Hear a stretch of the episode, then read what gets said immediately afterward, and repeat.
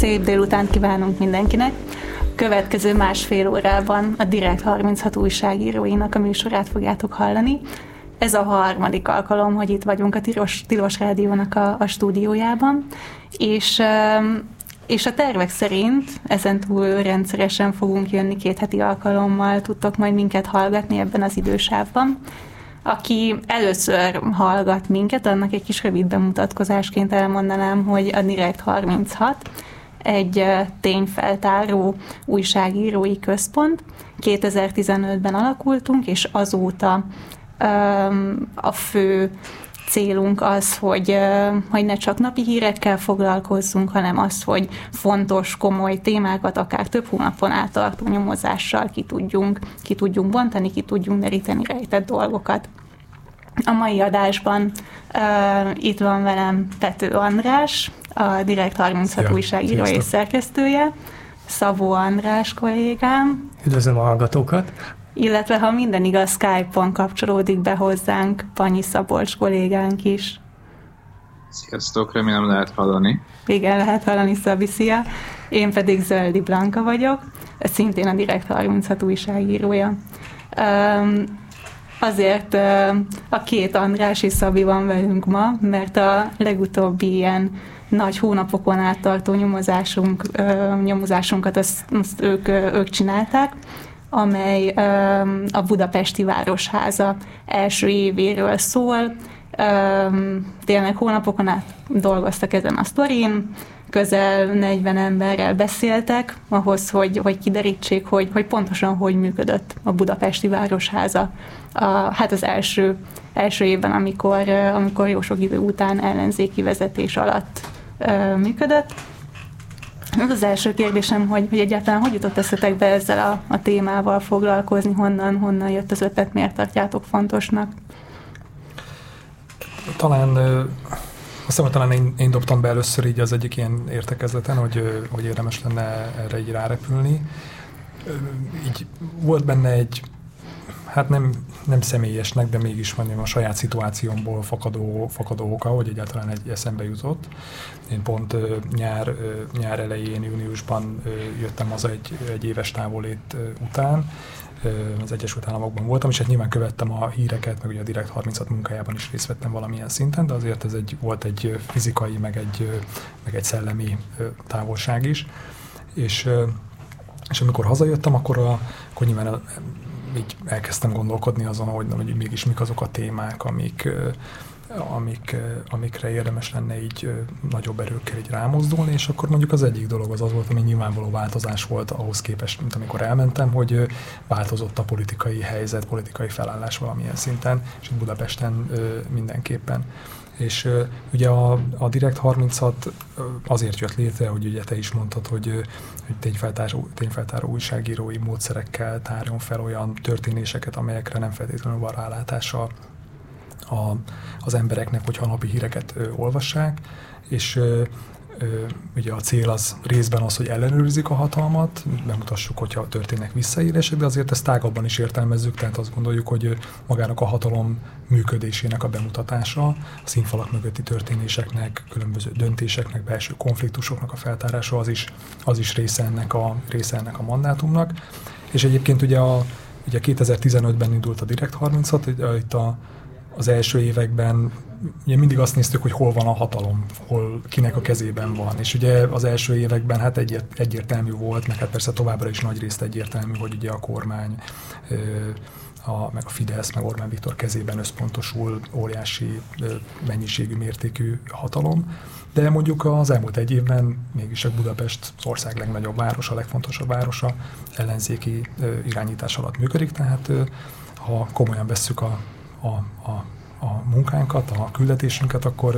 akkor azt is meg kell nézni, hogy ott mi történik. És igazából ennek lett az eredménye aztán az, amikor ugye elkezdtünk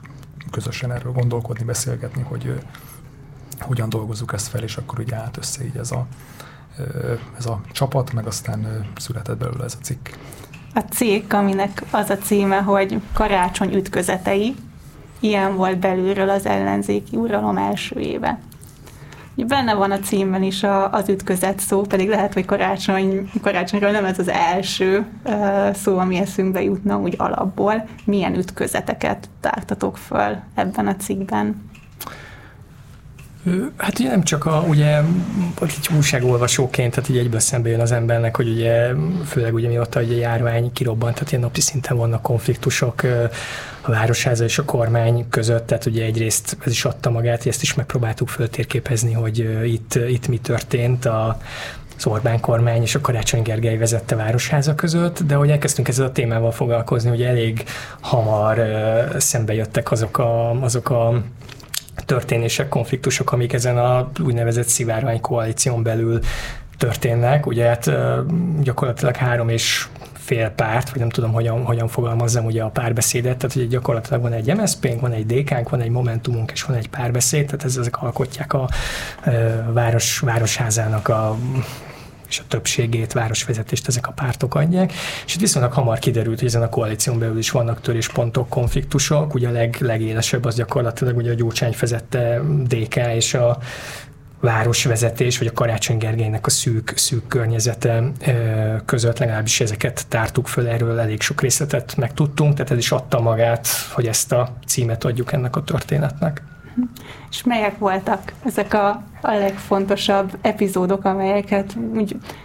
amelyekre ti is meglepődtetek, és esetleg az újságolvasók is meglepődhetnek, amelyek eddig nem voltak feltárva? Ugye a, ugye a cikk, ez egy, ez egy hosszú, úgynevezett ilyen long form cikk, tehát tényleg igényel valamennyi időt, meg erőbefektetést így a, az olvasótól, hogy ezen végigmenjen. Mondjuk igyekeztünk ugye olvasmányosan, színesen, részletgazdagon megírni, és ez mondjuk ez ugye azt jelenti, hogy nagyon sok olyan, olyan jelenet van, jelenetet mutatunk be benne, ami, ami mondjuk tényleg így a, a, az árt ajtók mögött bizalmas környezetben zajlottak, és egy ilyennel indul a, a cikk is egyébként, amikor még valamikor február végén volt az ellenzéki pártok vezetőinek, képviselőinek egy zárt ajtók mögötti tárgyalása a, Városházán, Karácsony Gergely irodája melletti tárgyalóban, és, és ott, ott volt egy ilyen egy ilyen egy ütközet, egy szóváltás, vagy egy konfliktus lejátszódott. Ott ugye konkrétan a, ugye a színházügy volt ennek a ilyen előtörténete, ami ugye ott nagyon leegyszerűsítve, ugye ott a, a Karácsony Gergely egyfajta kompromisszumra hajlott a kormányjal, a fővárosi színházak finanszírozása, meg irányítása ügyében. Gyurcsány Ferenc meg ugye azt mondta, hogy meg a TK, hogy, hogy, hogy, hogy ilyen kompromisszumban nem szabad, vagy nem lenne helyes belemenni és akkor ugye itt, itt alakult ki egy olyan szituáció, hogy ugye forrásaink leírták, hogy ott egy Gyurcsány Ferenc, akit tehát azért most már mindannyian ismerünk szerintem, akik követik a politikát, hogy van egy ilyen nagyon szimpadias, teátrális stílusa a nyilvánosság előtt, amikor ugye beszél a, a híveinek, meg a rendezvényeiken, de ugyanilyen stílusban adott elő egy beszédet ott zárt ajtók mögött is a, a saját koalíciós partnereinek, és ott így szónokolt arról, hogy na, hogyha neki adnak egy költségvetést, akkor abban mindig talál 10 milliárd forintot, és de ami egyébként érdekes volt, hogy, hogy azért a, a, ott, az, ott, ott ezen a beszélgetésen vagy egyeztetésen résztvevők elmondása szerint azért ez azért is fontos ö, epizód volt, mert hogy valamennyire megmutatta azt, hogy milyen konfliktus van így a mélyben az ellenzéki ö, koalíción belül, hogy ö, milyen ö, nézeteltérés van ö, a körül, hogy milyen irányba lenne érdemes folytatni ezt a politikát. És ugye nagyon leegyszerűsítve az egyik oldal, leginkább mondjuk a TK, így azt mondja, hogy sokkal konfrontatívabban, sokkal keményebben kellene szembe menni a NER-rel, a kormányjal, míg ott van mondjuk a Karácsony Gergely és köre, amelyik mondjuk azt mondja, hogy inkább kompromisszumkészebben kellene, és inkább a, nem, a, tehát ők nem, nem hisznek abban a politikában, ami, aminek a konfrontáció a, a, a vezérelve. És ez ott ugye ott így kicsúcsosodott egy ilyen, egy ilyen zárt ajtók mögötti beszélgetésen ez a, ez a konfliktus, de hogyha megnézzük így a, azt az egy évnek a történetét, akkor ez így végighúzódik a, az, egész, az egész alatt, és nyilván még folytatódni is fog majd szerintem itt 2022-ig, meg lehet, hogy utána is. Fő, Igen, főleg ugye ez a miniszterelnök keresés, ugye majd az ellenzéken belül ugye fel fog merülni, ahogy közeledik ugye a 22-es parlamenti választás, ami ugye a következő nagy, nagy csata politikai táborok között, és ugye ez is hát előrevetíti ezt a, vagy ez is nagy mértékben hozzájárul, ahogy ugye ezekből a háttérbeszélgetésekből számunkra kiderült, hogy a Karácsony Gergely meg a DK közötti folyamatos csatákhoz, párharcokhoz, de ahhoz ugye közeledni fog a 22-es választás, ezek valószínűleg akár még sűrűbben, vagy még, még többször is feljöhetnek ezek a konfliktusok. Ugye ennek ez a, az, a, az az eredője, hogy ugye a DK-ba úgy élik meg, hogy a Városházát Karácsony Gergely személyében egy olyan politikus vezeti, akinek nincsen pártja, nincsen egy, egy nagy bázisa, háttérbázisa, és a DK ugye abból indul ki, hát, hogy ők a legerősebb ellenzéki párt, adná, hogy ugye adná magát, hogy ők adják a, a következő miniszterelnök jelöltet, és ugye népszerűségbe viszont Karácsony Gergely ott van a legnépszerűbb, ha nem a legnépszerűbb ö, ö, ellenzéki ö, politikus, és ö, ha beszállna mondjuk Karácsony Gergely ebbe a versenybe, az ugye nyilván a DK pozícióit, vagy, vagy lehetséges álmait akadályozná, gátolná, tehát ezek a jövőbeli dolgok is hozzájárulnak a jelenlegi meg a múltbeli konfliktusokhoz. András az előbb azt említette, hogy a, hogy a színházas vita az egyik csúcspontja volt a DK és, és a, vár, tehát a Karácsony Gergelyféle városházak közötti konfliktusnak. Volt egy, egy másik egészen nagy kicsúcsosodása is, ami odáig vezetett, hogy, hogy az egyik szereplője ennek a történetnek azt mondta, hogy én ezt a kormányt nagyon utálom, de a DK-t még jobban. És ezzel kapcsolatban Szabit kérdezném, hogy egy kis hátteret adja el nekünk, hogy ezt pontosan kimondta, mikor mondta, és mi vezethetett ez a mondathoz. Igen, ugye ez még mindig összefügg a, a DK-val. Idén februárban volt egy olyan egyeztetés, amin részt vettek a kormány képviselői, ott volt Gulyás Gergely, Vitézi Dávid, és ha jól emlékszem, talán a Fűries, de ebben most nem vagyok teljesen biztos, és ott volt Karácsony, és ott volt két embere, és ez, ez már akkor történt, amikor a, a kormány és Karácsony jó ideje próbált időre jutni egy csomó kérdésben, és ennek a, a package része volt a, a színházak finanszírozása is, és hát ezt a dílt, ezt látszott megtorpedózni a DK, és volt egy olyan része ennek a megbeszélésnek, ahol gyakorlatilag a felek, a fideszesek, illetve Karácsony is poénkodva, röhögve a, a DK-t úgymond szitták, és hát Karácsony Gergely szájából hangzott ez el, és hát ennek az az érdekessége, hogy Karácsony szájából hallottunk már korábban is hasonló erős szavakat a saját szövetségeseiről, ugye mindenféle kiszivárgott felvételeken, egy időben az MSZP-ről is hasonló dolgokat mondott,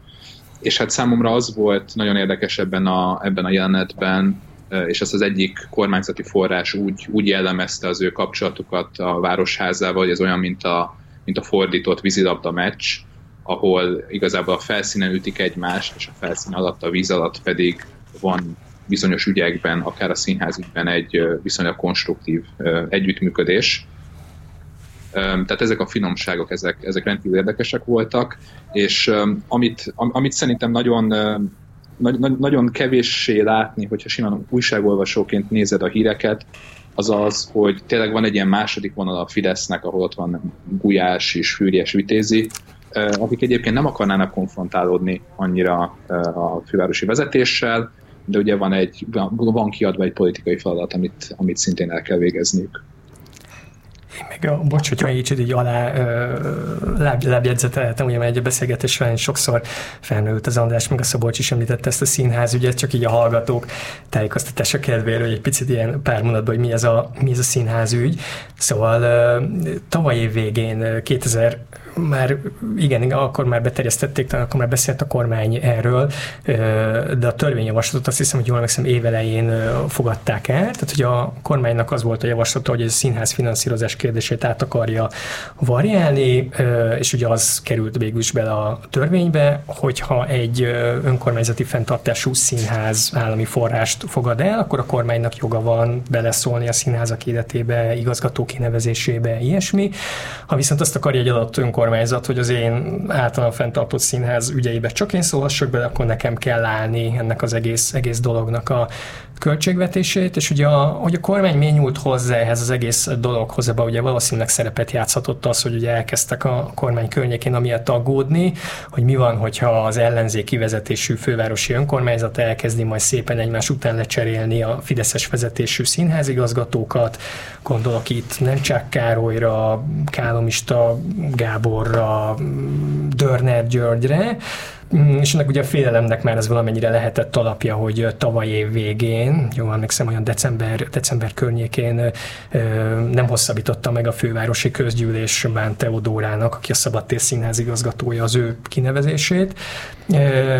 És ez ilyen érdekes, érdekes sztori volt, mert itt a szakmai bizottság támogatta Bán Teodórát, a fővárosi közgyűlés napirendjére is került, már Bán Teodóra is elment a közgyűlésre, és akkor végül az utolsó pillanatban ugye leszették a, leszették a napi rendelő és érvénytelennek nyilvánították ezt a pályázatot, és akkor ugye innen indult ez az egész színházas konfliktus, Karácsony Gergely és a DK, ezután ugye a DK ragaszkodott hozzá, hogy minden színházat meg kell tartani, Karácsony Gergely meg akart állapodni a kormányjal, és akkor végül egy olyan kompromisszumos javaslatot fogadtak el, hogy a 12 fővárosi színházból négyet tartott meg a főváros, hogy ezeket 100%-ba ő finanszírozza, és hát úgy tudja az András ugye mesélte ezt a gyurcsányos történetet, ezt ugye Karácsony Gergely ezt a tárgyalást a DK-val hát annyira nehezen élte meg, hogy e, utána kezdett hát poénkodni a, a, a, a DK-ra, hogy ő jobban, jobb, jobban utálja ezt a, ezt a pártot gyakorlatilag már, mint az Orbán kormányt. Igen, a színházas, hogy az látszik, hogy egy, egy egészen erős ütközőpont volt. Direkt 36 újságíróval, újságíróival folytatjuk tovább a, a ma esti beszélgetésünket a Városháza első évéről, karácsony ütközeteiről. Az elmúlt pár percben már beszélgettünk több fontosabb ellentétről is, azonban ami egy, egy átlag budapesti számára talán a legis legfeltűnőbb volt az elmúlt egy évben az, hogy lettek a nagykörúton bringasávok. Ennek volt, aki őrült, volt, aki kevésbé őrült, ez ugyanígy volt még a, a városházán belül is. Szabi, tudom, hogy sokat foglalkoztál ezzel a kérdéssel. Tudnál erről mesélni, hogy kinek voltak igazán nagy problémái ezzel, ezzel az újdonsággal, és sikerült ezeket megoldani? Hát igen, ez, ez talán a, valóban a leglátványosabb változás, ami történt az elmúlt egy évben. Én ugye nem bringázom, de nyilván nagyon sok barátom igen, és hát az ő beszámolók alapján vannak olyanok, akik korábban nem is gondoltak volna arra, hogy biciklire üljenek, de egyszerűen van egy olyan hatása ennek a, a változásnak, hogy hosszú távon megváltoztatja az emberek gondolkodását. De hát vannak politikusok a, ebben a szívában koalícióban, ami a városházat irányítja, akik ezt nem így gondolták, és hát ez főleg a, a már, már sokat emlegetett DK, de az MSP is, ők alapvetően azért, mert a szavazóik autópártiak, autóban ülnek, idősebbek, nem annyira ehhez a fiatal bringás generációhoz tartoznak, ezért az ő politikusaik is eléggé elkezdték ellenezni ezt a dolgot. A cikkben ugye idézzük Molnár Zsoltot, az MSZP budapesti elnökét, aki karácsony egyik bizalmasának küldött olyan SMS-eket, hogy itt ülök a dugóban, hagyjuk már a fenébe ezt a bringasávot, egyetlen egy bringással láttam elmenni, illetve volt olyan, hogy Molnár Zsolt egy egyeztetésről késett, és azzal mentette ki magát, hogy hát a bringasáv miatt van dugóban. Na most azt a, a cikkben ezt, ez ugye a hossza miatt már nem került be, de hogy valójában Karácsony Gergely is óvatosan állt hozzá ez a kérdéshez, és ő is látta a politikai kockázatokat ebben viszont az ő kabinetfőnöke, korábbi asszisztense Balogh Samu volt az, aki egyszerűen nézte, hogy a, milyen nemzetközi példák vannak a koronavírus alatt, amikor leáll a városi közlekedés, hogyan változik meg a mindennapi élet, és ő látta meg ebben a lehetőséget, hogy na akkor most végre ezt az évtizedes álmot meg lehet valósítani. De ugye ezzel nem nagyon tudták meggyőzni azóta sem se az MSZP-t, se a DK-t, és végül egy olyan kompromisszumos javaslat született a nyár végén, hogy bizonyos szakaszokon visszaállították a kétszer két sávos autóforgalmat, és van, ahol felvezették a járdára a biciklisávot, amit, amivel meg újabb típusú konfliktusokat generáltak. De nagyjából úgy lehet leírni ezt a dolgot, hogy azok a, azok a polgármesterek, akik, akik területén a nagykörút konkrétan van, tehát a, a Ferencvárostól Erzsébetvároson, Terézvároson át a Józsefvárosig, ők valamilyen formában mindenképp meg akarták tartani a bringasávokat, és volt is egy egyeztetés, ahol erről szó volt, viszont a külvárosi polgármesterek, és ott ugye inkább vannak MSZP-sek, meg DK-sok, ahonnan nagyon sokan ingáznak be a belső kerületekbe, ők nagyon ellenezték ezt, és hát így született ez a, ez a politikai kompromisszum. És most a politikai most a kompromisszumban úgy tűnik, hogy belenyugodott mindenki, vagy, vagy erről mit tudsz? Hát a karácsonynak az emberei tehát az a fiatal szakmai stáb egy, egy fideszes forrásom a taktikai urbanizmus szót használta rájuk, tehát akik meglátják a lehetőséget, az adott helyzeteket, és megpróbálják a szakmai elképzeléseket megvalósítani. Ők abban reménykednek, hogy ugyanúgy, ahogy más európai nagyvárosokban, itt is előbb-utóbb hozzászoknak majd az emberek ahhoz, hogy lehet bringázni a nagykörúton, és hogy ez milyen jó dolog. Egyelőre a, a többség ezt ellenzi, de ők eleve úgy készülnek, hogy ez egy hosszú távú tudatformáló folyamat, és ők örülnek annak, hogy valamilyen formában, de meg tudott maradni a bringasáv, és szerintem miután a Városháza vezetése azért több ciklusra készül, hiszen egyszerűen olyan Budapest választói magatartása, ezért szerintem abba gondolkoznak, hogy előbb-utóbb visszavezetik ezeket valahogy, de természetesen a csatákat ugyanúgy meg kell majd írni az MSZP-vel és. Érdekes egyébként így belelátni szerintem abba akár ennek a konkrét ügynek, hogy ahogy így végigmentünk. Meg a, a cikkben ugye viszonylag részletesen írunk róla, de, de persze nyilván, a, ugye, ahogy említetted a Blanka az elején, ugye itt közel 40 beszélgetés volt, tehát nagyon sok, nagyon sok információ meg ebből a hosszú cikkből is kimaradt, hogy, hogy tényleg amikor egy, egy várost irányítanak, akkor, akkor tényleg ugye előbb-utóbb azért eljutunk a, az abszolút ilyen gyakorlati kérdések szintjére, és ugye itt is teljesen logikus logikusan felmerült az, hogy oké, okay, hogy mondjuk nyáron sokan bicikliznek, meg mondjuk esetleg lehet, hogy kevesebben autóznak, de hogyha mondjuk jön a hideg, jön a tél, akkor, akkor arra is gondolni kell, hogy akkor, akkor viszont meg kevesebben fognak biciklire ülni, de lehet, hogy éppen az autós forgalom meg megnő, tehát hogy itt a, a végén, amikor ugye ez a kompromisszumos megoldás megszületett, az, egy, az, az részben ennek is, ennek is szólt, hogy, hogy valamilyen tartós, tartós megoldást szerettek volna városirányítással kapcsolatban, ehhez kapcsolódik igazából a, a következő kérdésem, hogy, hogy ritkán van arra lehetőség, hogy pontosan belelássunk abba, hogy, hogy ki is van a második vonalban, harmadik vonalban egyáltalán, hogy születnek meg a döntések, kik vannak igazán döntéshozó helyzetben, és a, a cikketekből látszik, hogy hogy itt nagyon-nagyon sok ember dolgozik igazából a, a városházán. Hogy látjátok, milyen a városházának a, a működése, kik a fontos szereplők.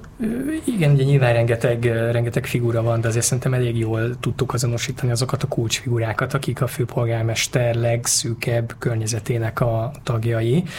tehát tényleg csak így felsorolás szintjén, ugye ott van tudom, Gályé Zoltán, aki a politikai stratégiáért felel, ugye ő korábban a MSZP-s kormányok időszakában elég fontos pozíciókat töltött be, többek között a kormány szóvivő is volt Gyurcsány Ferenc mellett, és ő ilyen 2018 környékétől, amikor karácsony MSZP színeiben ugye miniszterelnök jelölt volt, akkor már megjelent karácsony mellett, kezdett be beszédíróként, aztán utána egyre, egyre fontosabb pozíciókba, ugye a kampányának ő volt az egyik vezetője, és ugye a választási győzelem után magával vitte a Városházára, ahol most is stratégia alkotásért felel, akkor ugye Balogh Samuról már volt szó, aki ugye kampányfőnök a főpolgármester mellett, ő is ugye a kampányban ő végig ott volt karácsony mellett, szakmai ügyekért felelt, személyi asszisztens volt, Róla még ugye az érdekes, amit így tudtuk rekonstruálni a Városházán belüli viszonyokat, hogy ő nem egy ilyen hagyományos kabinetfőnöki szerepbe dolgozik. Ugye a kabinetfőnökök általában nagy hatalmú emberek, akik, akik ugye egy komolyabban bele tudnak szólni így a döntéshozatali folyamatokba. Ő pedig inkább ezt a szakmai hátterét, amit hozott magával ez az ilyen várostervezési háttér, ezt, ezt próbálja kamatoztatni, ugye bicikli sávok tervezésénél, vagy akár még ez ezzel kapcsolatos dolgokat is kommunikálja a sajtónak, interjúkat ad, mondjuk egy kabinetfőnöktől azért nem annyira nem annyira jellemző. És akkor én harmadikként, akit még így ki lehet emelni ebből a szűkebb csapatból, az ugye Tordai Csaba, aki ugye ez a hivatalos titulusa, hogy ő a jogi főtanácsadó, a Városházán, az gyakorlatilag azt jelenti, hogy ha karácsony bárhol tudom, az, az aláírását oda teszi bármilyen döntéshez, vagy, vagy bármilyen e, fontosabb, fontosabb döntést hoz, akkor, akkor előtte jogi, jogi szempontból Tordai nézi át. Ugye róla azt érdemes tudni, hogy ő is ugye a szocialista kormányok idején, jól emlékszem, akkor talán 2008-tól a miniszterelnöki hivatalban volt közigazgatási államtit, főtitkár, az ismerősei ilyen, tényleg ilyen óriási tudású jogásznak írják le,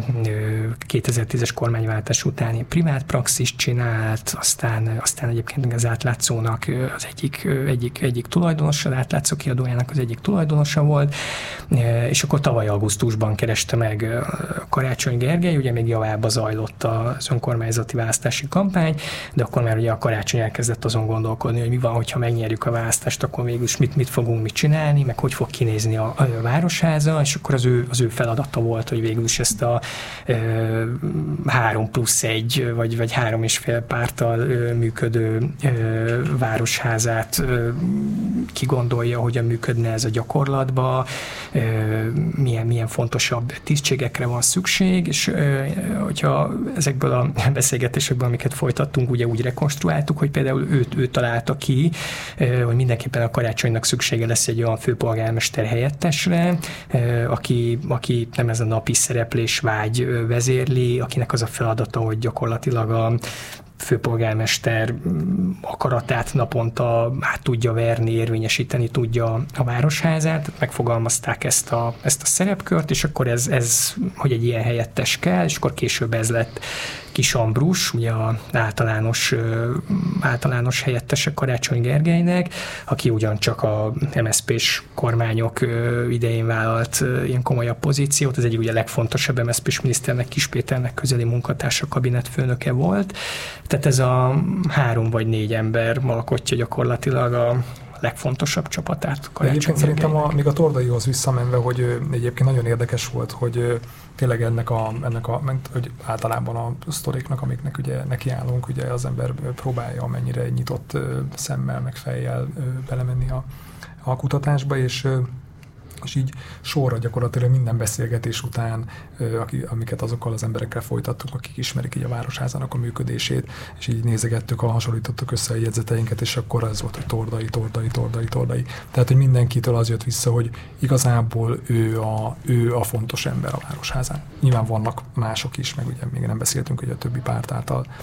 delegált főpolgármester helyettesektől, de hogy főleg ahhoz képest, hogy egyébként, hogyha rámegy az ember, most, most rámennénk, vagy legalábbis pár hete még, amikor fekcsekkeltük a cikket, akkor is néztem, hogy a, Városházának a Budapest honlapjára, és ott van egy ilyen menüpont, hogy nem tudom, Budapest vezetői, akkor ott őt nem fogjuk megtalálni. Egyébként szerintem a neve sincs leírva a Budapest honlapján, mégis ő egy, ebben a tanácsadói szerepben egy ilyen, egy ilyen ő, tényleg egy ilyen kulcsfontosságú. Igen, szürke eminenciás. Igen, igen, hát ez, a, igen, ez egy kicsit ilyen klisészerű, hogy szürke eminenciás, de, de abszolút, abszolút ö, talán ö, ez abszolút illik rá. És itt, hogy szerintem az érdekes, és ez kiderül a cikkből, hogy itt a személyes szálak mennyire, mennyire fontosak. Tehát az, tehát Karácsony Gergely nem véletlenül őt kereste meg tavaly augusztusban, hogy segítsen neki összerakni ezt a, ezt a projektet. Azért kereste meg őt, mert már 20 éve ismerték egymást, közeli barátok voltak, igazából együtt kezdtek el még még ö, ö, egyetemistaként ö, különböző ilyen kutatási projekteken dolgozni, és ez a kapcsolat ez így a, az őket ismerő emberek szerint ugye egy végig így végig megmaradt, megmaradt közöttük, és és a, még mondjuk a Tordai Csaba ö, ö, tényleg inkább így a háttérben, háttérben marad, nagyon ritka szerintem, hogy interjút ad, vagy egyáltalán így ö, nyilvánosan így megnyilatkozik. Még Karácsony Gergely ugye az elmúlt tíz évet azt abszolút így a frontvonalban töltötte, tehát így ez a, ez a szerepfelosztás szerintem jól is működik közöttük. Azért gondolom, hogy amikor a városház elkezdi a működését, akkor, akkor viszonylag nagy csaták menettek azért, hogy kinek milyen portfólió jut, ki milyen szerepet vállal, akár, akár a háttérben, akár névvel, arccal, mindenhol. Hogy érzitek ezek, ezek a, a leosztások, hogy sikerültek? Voltak-e, voltak-e időközben átrendeződések? Szabolcs? Szab, Szabi például? Hát abszolút, tehát ugye er, er, er, erről, erről születtek talán a leg, legviccesebb ilyen bejegyzések a, a, a, a mi jegyzeteinkben, hogy, hogy miféle átrendezések voltak, és hogy hogyan jellemzik a városházat közeledő ismerő emberek a főpolgármester helyetteseit. Ugye az említett Kisambruson kívül, aki gyakorlatilag a kasszakulcsot őrzi, és ő felel a büdzsébe tartatásáért, rajta kívül még a pártok is delegáltak különböző főpolgármester helyetteseket. Ott van Karácsony Gergely pártársa, régi barátja és szövetségese, Dorosz Dávid, aki formálisan az ő kampányának is az egyik vezetője volt, illetve korábban is, még az LNP-nél is, aztán korábban a párbeszédnél, ahol ő átlépett ilyen kampánymenedzseri, szervezői, pártigazgatói feladatokat látott el. Ott van ugye Tüttő Kata, az MSZP-nek egy kipróbált, de ennek ellenére fiatal várospolitikusa, ő ugye most, most lett 40 éves, és ő már jó ideje bent van a fővárosi közgyűlésben. Ő ugye leginkább azért szerepelt a sajtóban sokat, mert Leistinger Tamás élettársa volt, illetve gyerekeinek anyja, de már nincsenek együtt. Ennek ellenére ugye nagyon sok olyan cikk megjelent, illetve sok támadást kapott a Leistingerrel való kapcsolata miatt, hogy Leistingernek milyen ingatlan ügyei vannak és hasonlók. Ennek ellenére Tüttőkatáról is a mi háttérbeszélgetéseink során még azok is, akik nem pártársai elismerően beszéltek, mint egy talpra esett az üzleti életet ismerő politikus, aki tényleg úgy, úgy fogalmazott az egyik forrás, hogy ő ilyen könyökvédővel beül a hivatalba, és akkor egyenként átnyálazza a szerződéseket. Gyakorlatilag Tüttőkatánál van az összes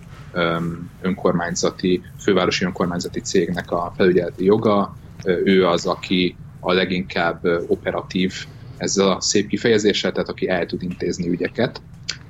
Ott van mellette még Gyénémet Erzsébet, a DK-nak a a főpolgármester helyettes, aki a kulturális, szociális, humán ügyeket viszi. Ő ugye szintén egy, egy kipróbált városházi politikus, és hát az egész színházügyes vitában a DK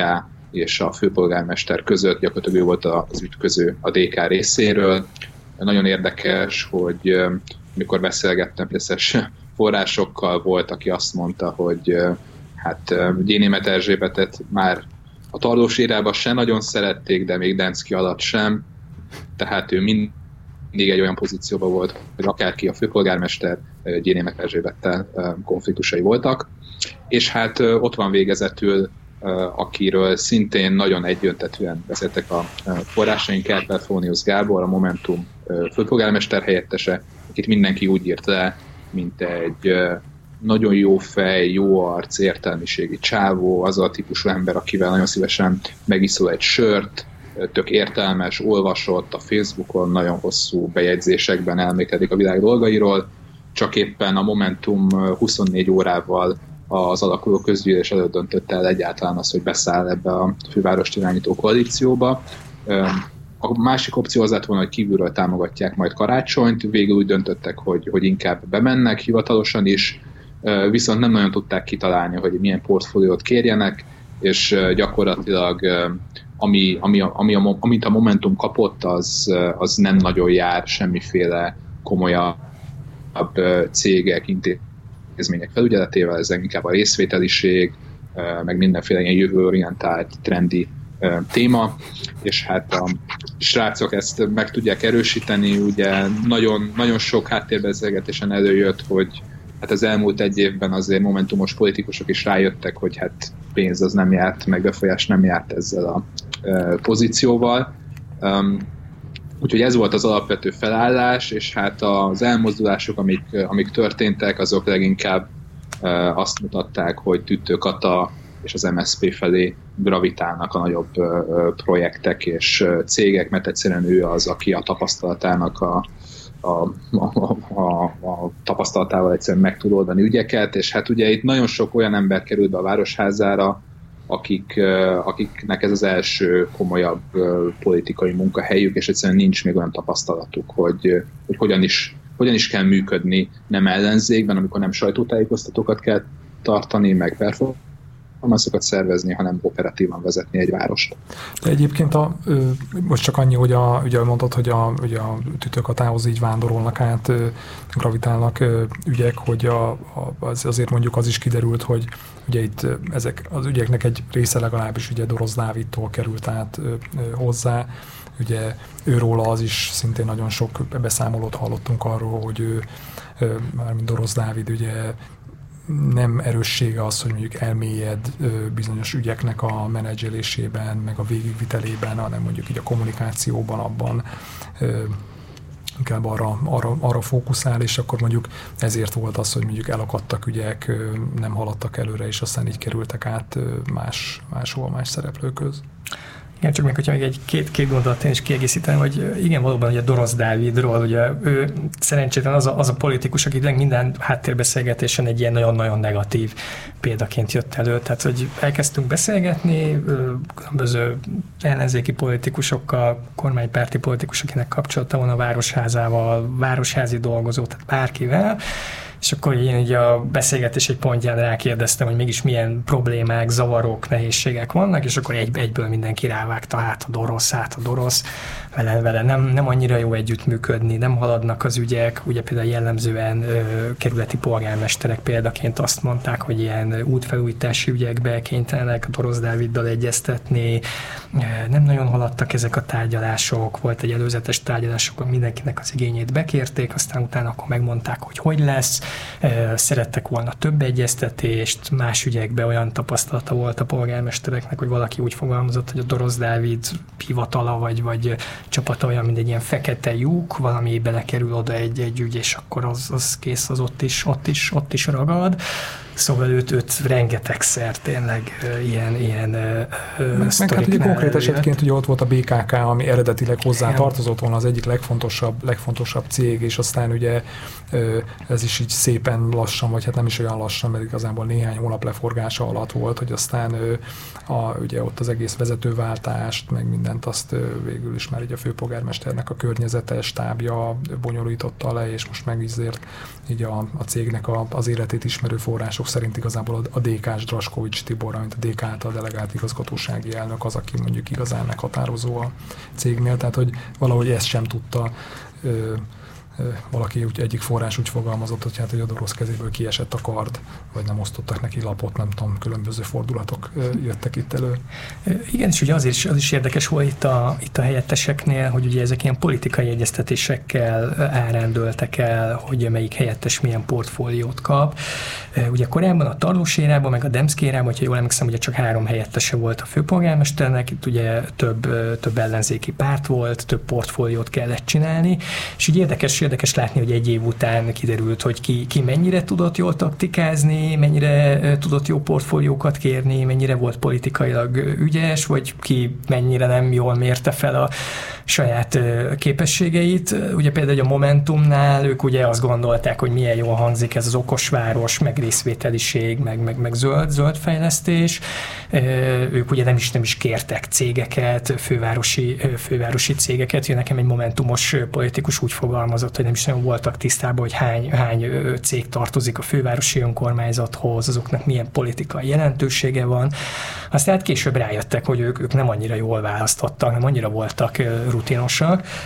Például ugye a Kerperfoniushoz tartozik ez a átláthatóság, vagy, vagy ez a transzparencia kérdése, és hát ez így tök jól hangzik, de ugye akkor tud az ember, vagy egy főpolgármester helyettes keresztül vinni egy, egy döntést, mondjuk a BKV vagy a BKK tegyen meg bizonyos lépéseket, tegyen ki a honlapjára szerződéseket, adatokat, ha, ha az az adott cég az adott főpolgármester helyetteshez tartozik, de mivel a Momentumos főpolgármester helyetteshez nem tartozik semmilyen cég, semmilyen komolyabb intézmény vagy szervezet, ezeket tök nehezen tudják keresztülverni,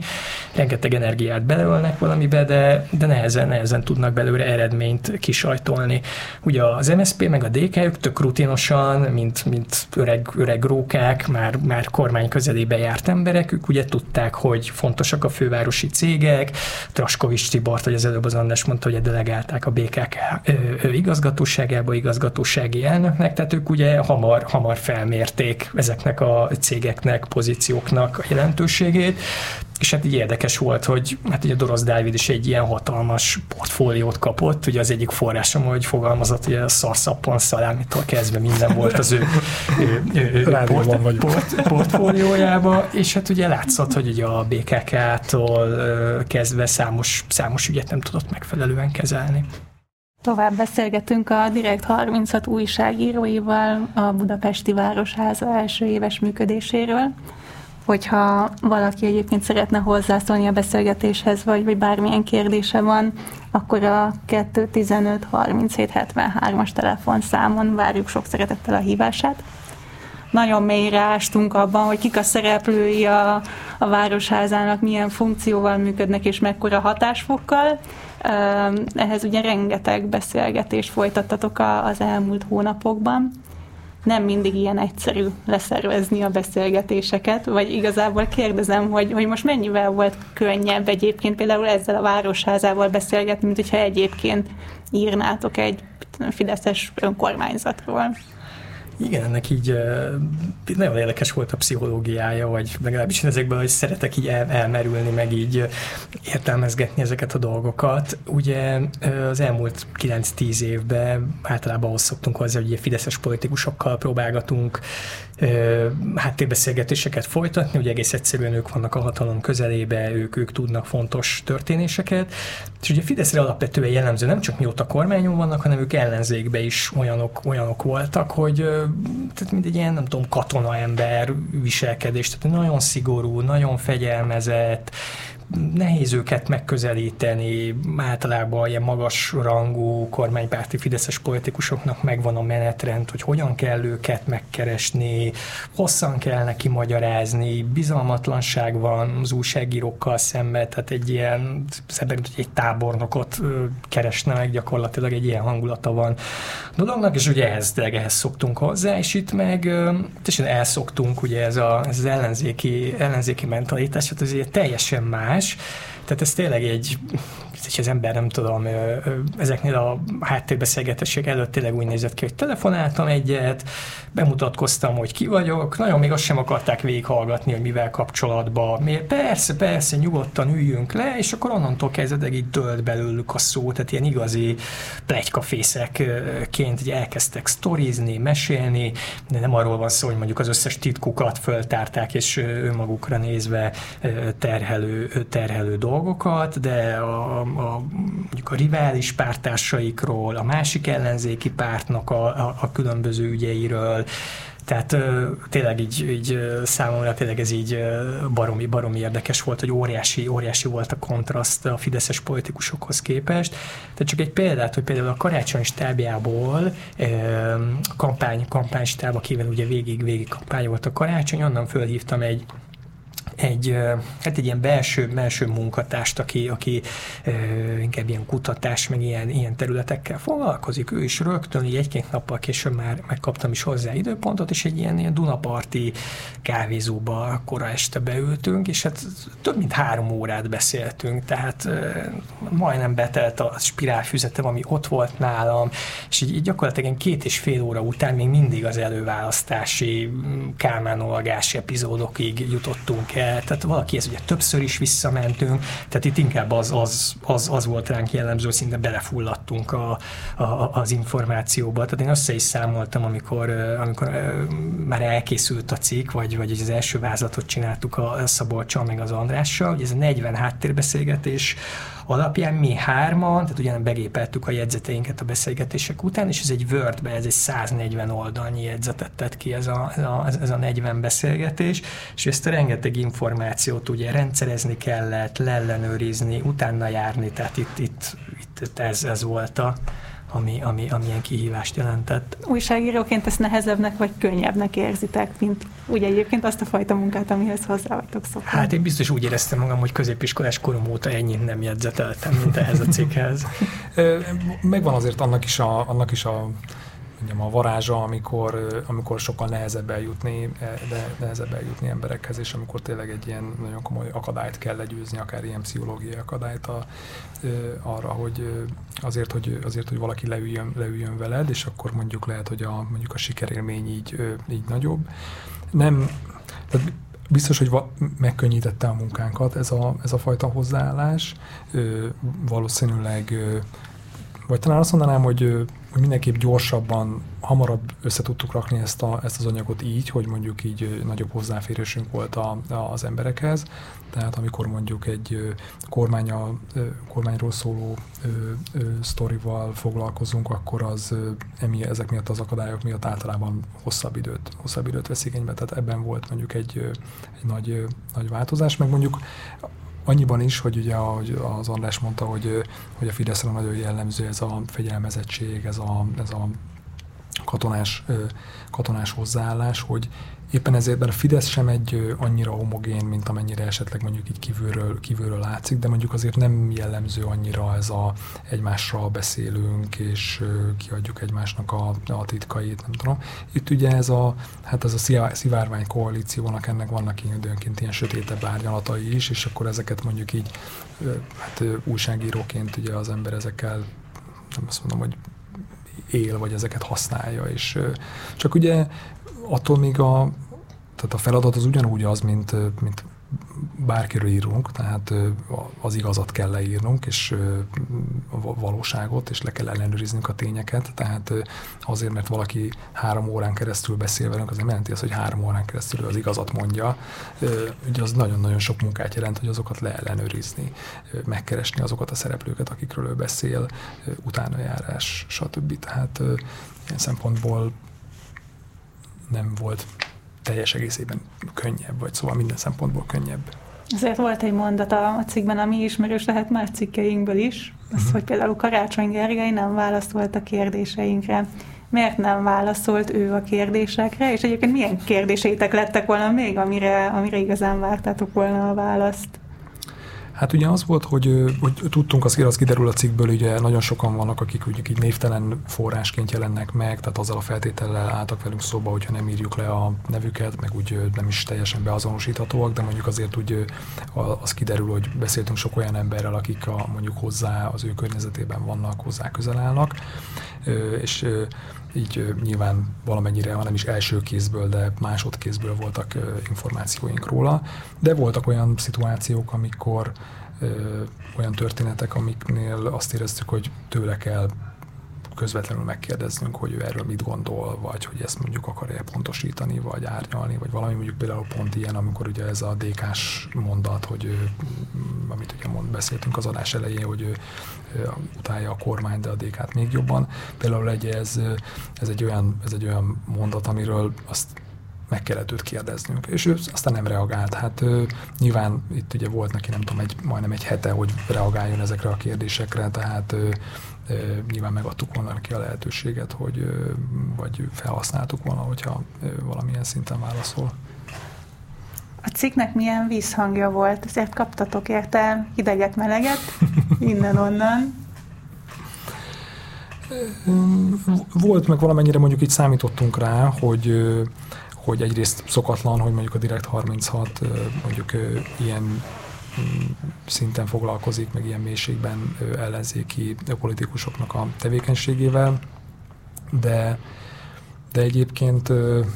azért nem volt ilyen nagyon kirívó, tehát ilyen egy-két, ilyen, egy-két Facebook poszt alatt láttuk, hogy ott beindultak a kommentek, és akkor mondjuk ugye azzal vádoltak bennünket, hogy na itt minden tudom, itt az ellenzék próbáljuk aláaknázni. Kormányszekerét toljuk. Kormányszekerét toljuk, vagy hogy az összefog, nagy nehezen összejött az összefogás, és akkor most is próbál, próbálunk így bele, belerondítani. Még az egyik kommentben Havanyistának is tartottak minket. Ó, ez pont, ez, ez pont kimarad. De egyébként jó volt látni, meg érdekes volt látni, hogy egyrészt mi is, én magam is bekommenteltem, elmondtam, hogy mégis mi volt ennek a, a cikknek a, meg a célja, meg hogy a, a mi munkánk az nem, az nem, nem politikai célokat szolgál, senkinek a, a politikai célját nem, nem szóljuk, szolgáljuk, nem toljuk senkinek a szekerét, de egyébként más kommentelők is odaírták ezt, tehát ilyen szempontból valamennyire ez ilyen kiegyensúlyozott volt. Ugye a, az nyilván ez valamennyire így, így, így geográfiailag is egy lehatárolt történet volt, tehát itt ugye ez, ez Budapestről szólt. Nekem azért az volt a tapasztalat, hogy hogy akinek van köze a városházához, meg, meg követi így a fővárosi politikát, azért az olvasta. Tehát nagyon Városházán sok, olvasták. Városházán, városházán biztos, hogy olvasták. Ott nagyon hamar olvasták, tehát ott aznap este, amikor ez kiment, ott már akkor jöttek a, jöttek a visszajelzések. Igen, nekem is volt olyan, hogy, hogy egy-két, egy-két ugye érintett figurának elküldtem a linket, és, és két másodpercen belül már azt írta vissza, hogy ő már, már, már olvassa javában, pedig gyakorlatilag akkor jelent meg a, a cikk. Meg az, hogy milyen volt a visszhangja meg a fogadtatás, én tényleg azt tapasztaltam, hogy ugye ez egy, ez egy hosszabb, hosszabb cikk volt, aki végigolvasta azoknak az olvasóknak, szerintem alapvetően pozitív volt a, a, a, a véleménye, legalábbis hozzám ilyen, ilyen visszajelzések jutottak el. Hát igen. Tovább beszélgetünk a fővárosi önkormányzat első évéről, és most egy kicsit a jövőjéről is. A cikkben az egyik forrás azt mondja, hogy a, a fővárosi önkormányzat az olyan, mint egy laboratórium, és itt, itt mutatkozik meg az, hogy, hogy ezek az emberek tudnának-e együtt kormányozni is. Szabi, téged szeretnének kérdezni ezzel kapcsolatban, hogy hogy mi az érzés most a Városházán. Az első év az azt mutatta, hogy tudnak ezek az emberek együtt kormányozni? Vagy tudnának? Hát ez egy nagyon érdekes kérdés. Volt olyan forrásom, aki azt mondta, hogy, hogy egyébként ő és az ő pártja, és most nem nevezem meg a pártot, de valamennyire ki lehet majd találni a válaszból, hogy sokat tanulnak a, a kerületi önkormányzatokban. egyszerűen azért, mert mert ott közvetlenebbül a, a saját politikusaik irányítanak. Ugye Karácsony Gergely, és ez elhangzott már, hogy egy ilyen létező, nem létező párt vezetője a párbeszédnek, aminek nincs igazán struktúrája, de ha kormányváltás lesz adott esetben egyszer, akkor nyilván azt létező pártstruktúrákból kell feltölteni, és, és a káderek azok jelenleg a kerületekben tudnak leginkább hozzászokni ahhoz, hogy egyáltalán hogyan kell a bürokráciát működtetni. Ugye ezt ne felejtjük el, hogy nagyon, rég, nagyon régóta nem volt olyan, hogy ennyi önkormányzatban, és nem csak a fővárosban, hanem nagy, nagy megyei, város, megyei városokban is az ellenzék visszavette, vagyis hogy a baloldal visszavette az irányítást, ami azt jelenti, hogy gyakorlatilag van egy olyan politikusi generáció,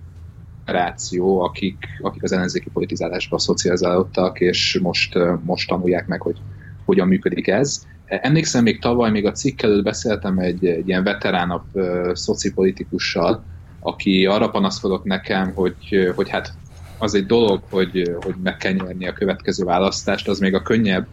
de hogy utána kormányozni, hát az nagyon nehéz lesz, főleg azért, és akkor itt elhangzott ez a az érv, hogy, a, hogy azok a tapasztalt, kipróbált figurák, akik, akiket be lehetne rakni egy, egy baloldali kormányba, hát azok sajnos mind a, mind a Gyurcsány megyes érában e, szereztek tapasztalatot, és nem olyan biztos, hogy az, az mindenkinek tetszene. Én egyébként azt gondolom, és, és annak ellenére, hogy, hogy számos ilyen konfliktus feltártunk a cikkben, hogy, hogy azért ez mégiscsak egy, egy, egy természetes működése a politikának, csak annyira elszoktunk tőle az elmúlt tíz évben, amikor tényleg itt elhangzott, hogy a Fideszben mennyire központosított a kommunikáció, hát minden más is központosított, tehát a viták azok jóval kevésbé látszódnak kifele, ha vannak viták, azok nem tudom, Kövér László, meg, meg Orbán Viktor között zajlanak általában, legalábbis így az utólagos beszámolók alapján. Hát na itt nem így működik, de ez nem jelenti azt, hogy ne lehetne így is kormányozni, egyszerűen ez egy teljesen más stílus. És van egy olyan terület egyébként a Városházán, és ez a, a cikkben terjedelmi okból ez nem szerepel, ahol kifejezetten készülnek arra, és elég nyíltan beszélnek arról, hogy ők, ők a kormányzati felkészülést készítik elő, ez pedig a, a Korányi Dávid Bajnai Gordon volt nemzetbiztonsági tanácsadója által vezetett városdiplomáciai részleg, ahol gyakorlatilag egy ilyen inkubátorként egy leendő külügyminisztériumnak a, a gárdáját próbálják kinevelni. Tehát van, van ilyen, ilyen tudatos építkezés, és hát voltak, voltak, voltak olyan megjegyzések is háttérbeszélgetéseken, hogy egy, ez meg az, az a középszintű vezető az valójában államtitkár szeretne lenni, és ezeket az ambícióit nem is nagyon rejti vék alá, tehát azok az emberek, akik, akik irányítják a városházát, az ő, ő agyukban benne van az, hogy, hogy adott esetben ők, ők kormányra kerülhetnek, és hát itt ugye kinyílik az a kérdés, hogyha, hogyha itt kormányváltás lesz, akkor ki lesz az ellenzéknek a miniszterelnök jelöltje, és um, ugye itt gondolom beszélünk majd úgyis Karácsony Gergelynek a, esetleges jelöltségéről, de az nagyon érdekes, hogy az elhangzott több beszélgetésen, hogy akárhogy is döntsön karácsony, az biztos, hogy körülötte a másodvonalban vannak olyan figurák, akik, akik egy, egyfajta platformként tekintenek karácsonyra a saját ambícióik megvalósításában, és azért támogatnák a főpolgármester jelöltségét, hogy ezáltal ők is a városházi szintről egy, egy nemzeti kormányzati szintre tudjanak előrelépni. És karácsony mennyiben tekinti a városházát gyakorló terepnek? Mik szólnak a miniszterelnöki jelöltség mellett, és mik szólnak számára ellene? Hát igen, ez is egy, egy visszatérő téma volt ezekben a beszélgetésekben, ugye ott nagyon jól ismerjük az ő, ő nyilvános, hivatalos álláspontját, ugye ő azt mondja régóta, hogy ő nem akar miniszterelnök jelölt lenni, nem lesz miniszterelnök jelölt, és ezt mondja egyébként, amennyire tudjuk a, a nem nyilvános beszélgetésekben is, tehát privát beszélgetésekben is ezt mondta az utóbbi hetekben, hónapokban is azoknak, akik megkérdezték tőle. Tehát ilyen szempontból így, így, így következetes. Más kérdés, hogy viszont, hogyha megkérdezzük a, azt a körül, akár hozzá közel álló, vagy, vagy a környezetében lévő embereket, hogy ők mit gondolnak arról, hogy vajon ez így lesz majd később is, a jövőben is, tehát hogy esetleg nem gondolja meg magát, akkor, akkor elég sokan azt mondják, hogy de szerintük igen, mert hogy ugye van egy olyan olyan, olyan megfogalmazás így előkerült, hogy, a, hogy igazából ezt nem is, nem is annyira ő fogja eldönteni, hanem egyszerűen nem, nem lesz más választása, hogyha, hogyha ez, ez a kérdés igazán élessé válik. Az, hogy mi szól ugye mellette, ellene, tehát mondjuk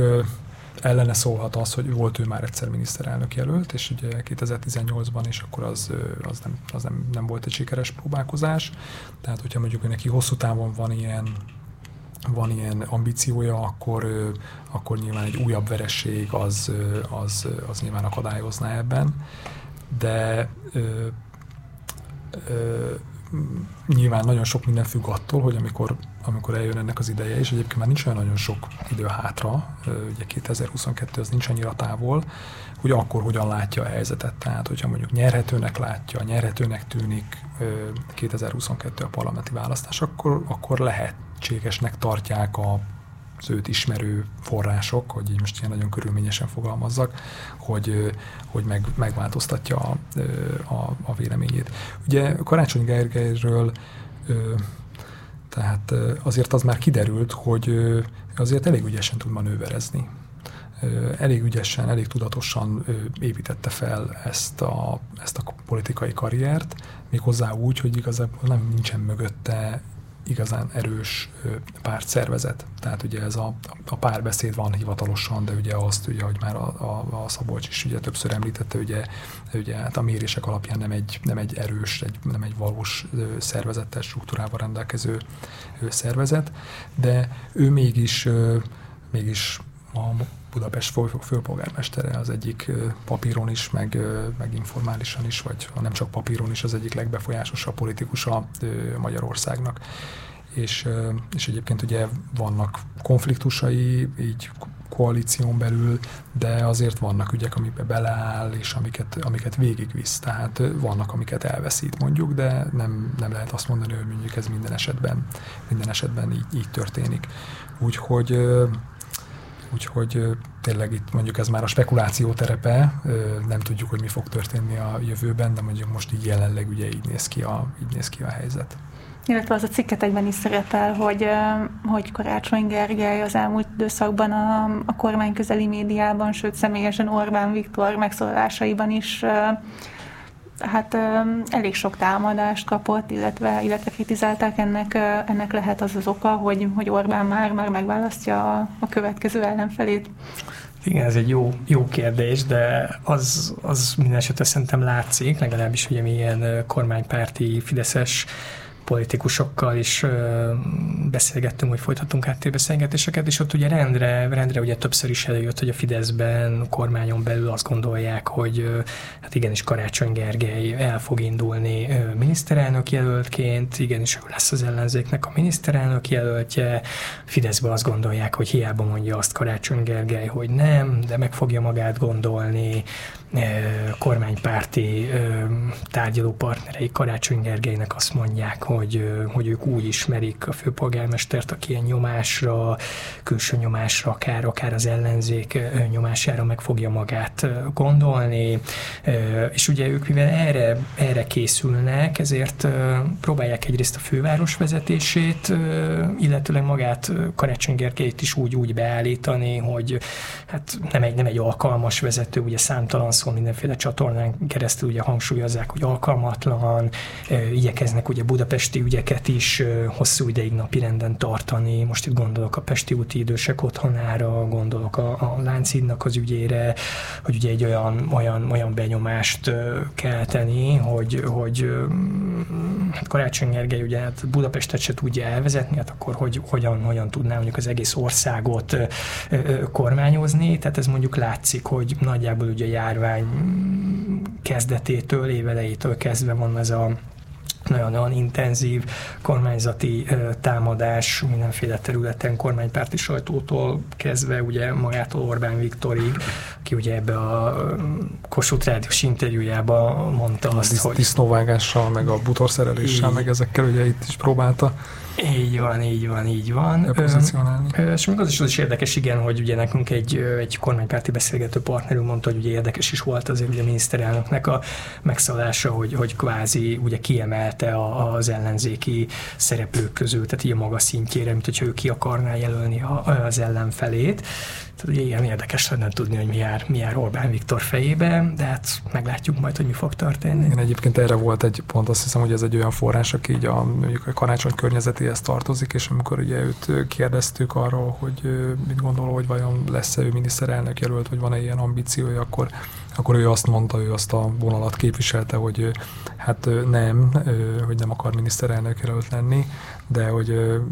két ember nem, akar, nem, nem hajlandó ezt elhinni neki, az egyik Gyurcsány Ferenc, a másik meg Orbán Viktor, és, és hogy ez meghatározza a, ezt az erőteret, amiben, amiben ő, ő, ő dolgozik, meg tevékenykedik. Szabi? Még annyit mondanék ehhez, hogy tök érdekes, ha megnézitek, hogy ugyanazokat a paneleket használja a, a fideszes média, meg a fideszes politikusok karácsony ellen, amit, amit annó Bajnai Gordon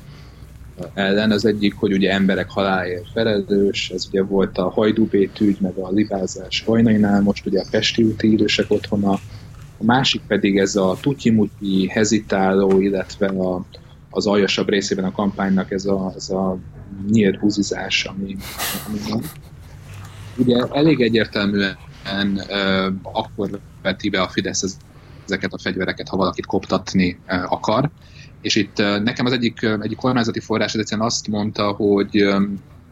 hogy arról is szó van, hogy, hogy igazából egyrészt kis akarnak provokálni karácsonyból uh, dolgokat. Ugye karácsony mindenre reagál saját maga a, a Facebookján, és egyszerűen a vidék, város, vidék Budapest megosztottság az egy olyan kiaknázható, és a fideszes forrásom szerint sokak által nem, nem eléggé értékelt politikai eszköz, amire, amit a Fidesz használ. Tehát egyszerűen azt bemutatni, hogy, hogy főváros nem kap pénzt, karácsony miatt panaszkodik, ennek van egy olyan hatása is, hogy vidéken viszont az emberek azok csettintenek egyet a kocsmában, hogy fú, de jó, most akkor mocskos budapestiek. Tehát erre, erre a megosztottságra erőteljesen rájátszik a, a Fidesz, ez a stratégiájuk része, függetlenül attól, hogy Karácsony Gergely lesz a kihívó, vagy nem lesz a kihívó, az biztos, hogy őt beszorítani egy ilyen értelmiségi a valóságtól elszakadt fővárosi, a, a normális emberek, hétköznapi emberek problémáit nem értő szerepbe, és ugye az egész biciklisávos sztori is annak a, annak a kormánypárti kihasználása is e mutat. Ez, ez tehát függetlenül attól, hogy lesz a kívó vagy nem, ennek a vidékváros megosztottságnak a, a, az erősítése, ez egy tök fontos politikai eszköz a Fidesznél, és ez karácsony úgymond egy ilyen, egy ilyen jó mumus ebben a, ebben a kontextusban. És még egy dolog, amit, amit akartam mondani,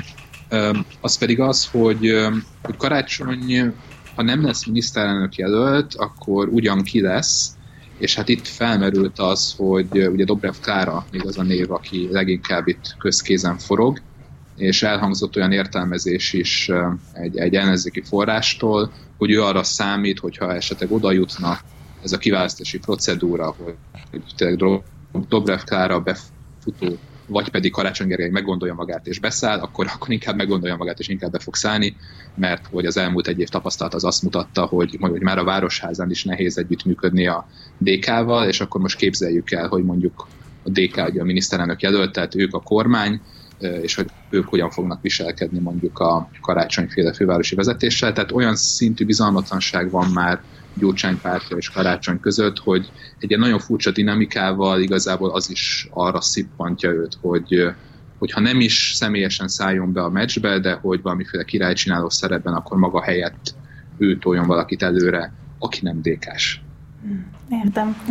Hát akkor ebből is látszik, hogy még a következő három évben is, nagyon három-négy évben is nagyon érdekes lesz figyelni azt, hogy mi történik a Városházán a, a nagy politika szempontjából is.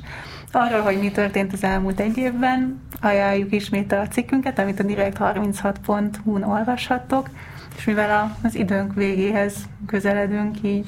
búcsúznánk tőletek. Panyi Szabolcsot, Pető András, Szabó András hallottátok a, Direkt 36-tól, és köszönjük szépen, hogy velünk voltatok.